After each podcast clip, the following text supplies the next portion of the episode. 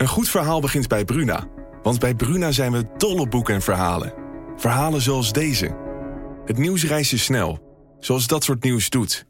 Ik wist dat het ook over jou ging, zodra het eerste bericht uit Parijs kwam.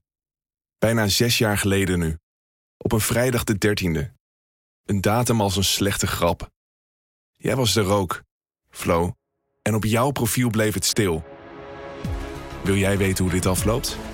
Je leest het in Luister van Sascha Bronwasser. Nu bij Bruna. Het is alweer. Goeie vrijdag, goeie vrijdag, goeie vrijdag allemaal. Kruip weer dichter bij je speaker voor deze week de laatste maal. Goeie vrijdag, goeie vrijdag, kom eens hier en luister nou. Heb jij ook een vraag voor Evert? Jordi stelt ze namens jou. Is er nou weer een vraag van een BN'er binnengekomen?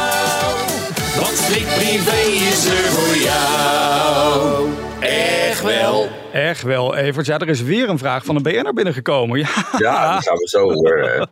Ja, ik eh, heb echt mijn WhatsApp eh, stroomt vol met allerlei reacties op deze tune. omgekeerde wereld. BN'ers die vragen voor ons hebben. Nou, We hadden vorige week natuurlijk Gerard Joling die een vraag instuurde. en Gisteravond vandaag ook niet de eerste de beste. Zeker. En ik zat nog even te denken, hè, want Gerard heeft dat liedje nu hè, van Ga je met me mee?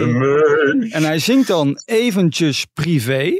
En toen dacht ik, ja, misschien kan hij inzingen eventjes strikt privé, zodat we nog een liedje hebben voor de podcast. Oh, dat is bij deze geregeld. Reken maar. We gaan- Hij moet even de studiootje in en dan eh, is het klaar hoor. Is er een eh, bos bloemen bij jou bezorgd vandaag? In het kader Waarom van, nu weer? nou, 20 jaar shownieuws vandaag, officieel. Oh ja, nee, dat was gisteren. Ja, nee, die heb ik niet alle twintig meegemaakt. Wel vijftien ervan. En ja, ja het is eh, de hele week uitgebreid gevierd met fragmenten die voorbij kwamen. En natuurlijk mocht Gerda Smit niet ontbreken. En, en daar hebben we dan ook mee afgetrapt maandag. Maar Ja. ja, twintig jaar. Niet elk programma bij SBS haalt het, zoals je weet.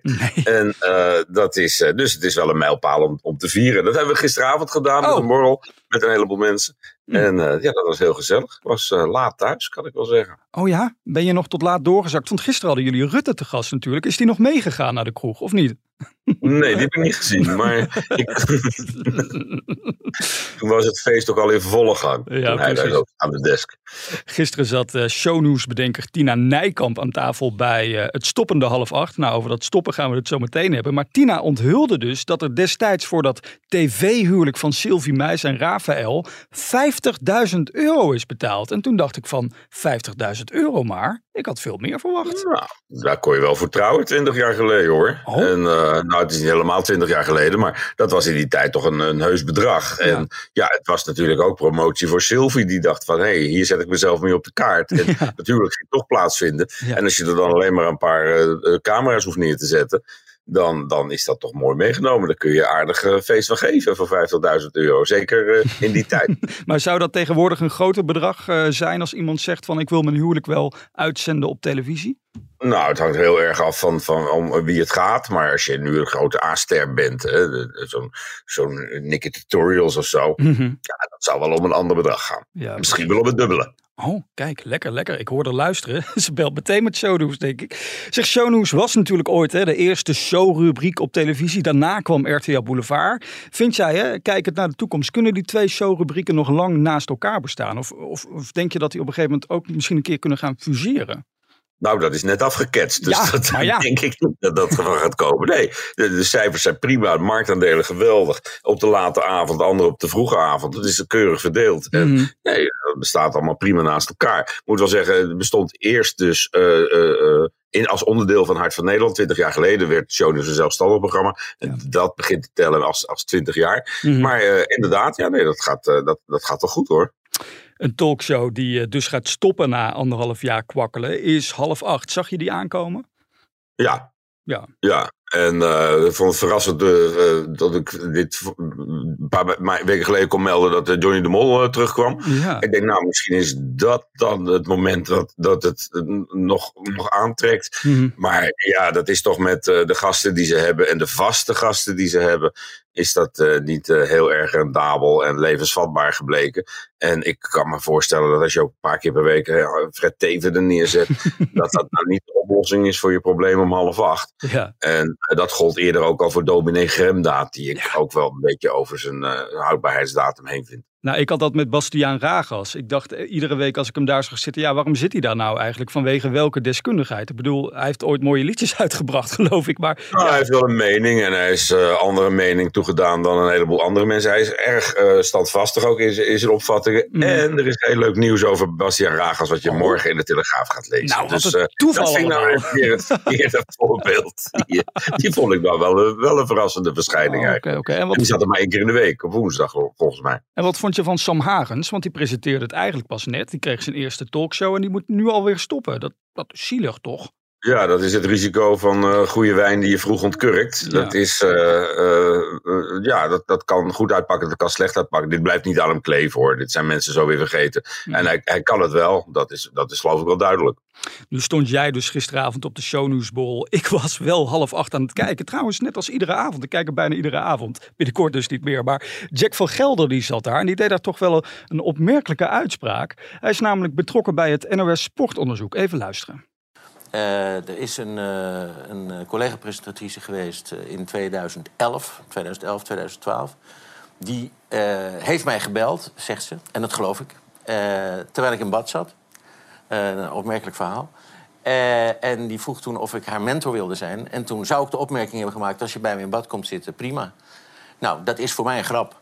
Eh, alleen is dat bij haar behoorlijk hard aangekomen, blijkt. Ja, hij heeft dus die vrouw deze week opgebeld om zijn excuses aan te bieden. Die vrouw heeft dat excuses aanvaard. Maar hoe luister jij Nou ja, daarnaar?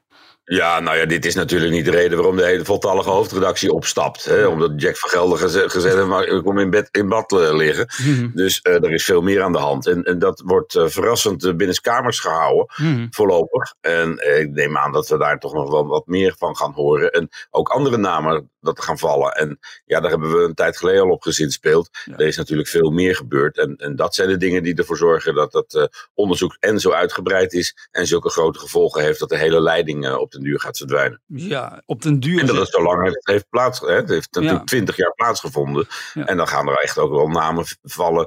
die we natuurlijk al een tijdje uit het oog verloren zijn. Ja. En die daar twintig jaar geleden eh, zich schuldig maakten aan eh MeToo-gedrag toen het nog niet zo heette. Nou, ongetwijfeld gaan we na het weekend daar nog eh, veel meer over hebben. Vanavond is dan eindelijk, ja, ik heb er slecht van geslapen, de comeback van André Hazes. Jij gaat erheen. Ja, ja, ja, ja. Nou, ik ben benieuwd. Het is een historisch moment dat die jongen eindelijk weer op het podium staat. Mhm. En eh daar wordt er rijkhalsend naar uitgekeken door heel veel mensen in de Ziggo Dome. En eh, ja, nou ja, het is, het is, het is bijzonder. Het Ja. verhaal ging dat hij er onderuit wilde. Eh, hij staat er wel. Tenminste, ik heb niet gehoord dat hij niet zou komen. En ik ben heel benieuwd hoe hij dat eh, na al die tijd zonder drank, zonder drugs nu gaat doen. Het eerste optreden in lange tijd zonder al die hulpmiddelen. Hij gaat drie liedjes zingen, heb ik eh, gisteren van de organisatie gehoord. Dus dat is nog wel te doen, lijkt mij. Even, ons 10 minuten. Nee, precies, dan is hij alweer klaar. En Rachel die deelde dus gisteren in de zaal tijdens de opbouw kroketten uit. Hoe heb je, daar- hoe heb je God, daar? God, is over nagedacht. Zeg, jezus, wat sympathiek. Wel twee maanden te laat natuurlijk. Ja. Had ze dat toen gedaan, dan had iedereen gezegd... oh, wat een leuk beetje, je wordt gecremeerde kroket genoemd... en je gaat kroketten uitdelen. Mhm. Nu vond ik het een beetje een mosterd na de kroketten. en eh, het was, eh, ja, dat is toch Ja. En met, die, met een bek ook van... oh, kijk, mij is leuk, een kroket uitdelen. nou, dat was echt een beetje... het werd daardoor een beetje sneu... dat je dat dan nu, eh, nu de humor er wel van inziet. Ja. Dat had je toen moeten doen, dan had je de hele affaire eh, bespaard.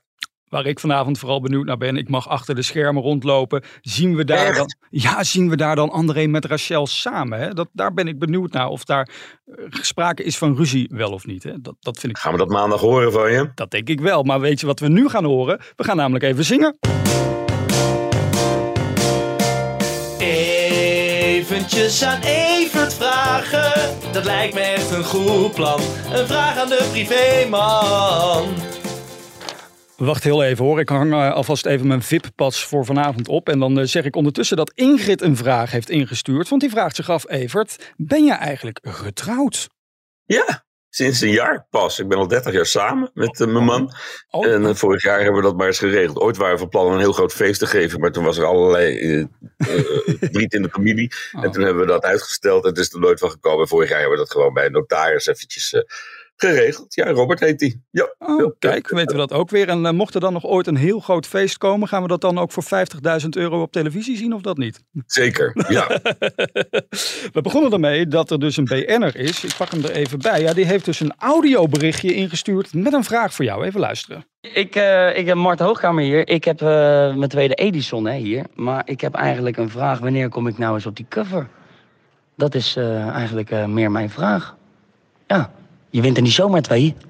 Is, zijn er meer BN'ers die vragen: mag ik op de cover van de privé? nee, maar het was ook wel in de situatie dat ik uh, dacht: ah ja, hij heeft natuurlijk de grootste hits. En ja. als hij gaat trouwen, of, uh, dan hoop ik niet dat hij er ook zo'n bedrag voor vraagt. Maar uh, ja, dat is wel een moment. En als hij, ja, de, huwelijksaanzoek of zo, dan kan hij zomaar. Wat een ontzettend aardige jongen is dat trouwens. We hadden hem van de week aan de desk bij Shownieuws. Ja. En hij, hij wilde heel graag een keer zeggen: Nederland is weer bij. Dat heeft hij ook gedaan.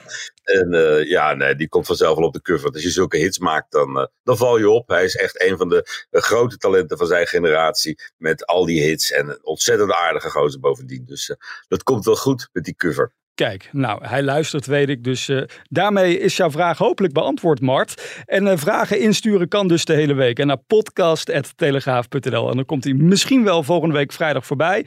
Maar eerst zijn we er maandag weer, Evert, om 12 uur. We hebben weekend. Jij veel plezier bij Hazes vanavond. Ach, het wordt vast een evenement om, uh, om lang op te teren. En neem een biertje, zou ik zeggen. Dat hoort er wel bij. Proost.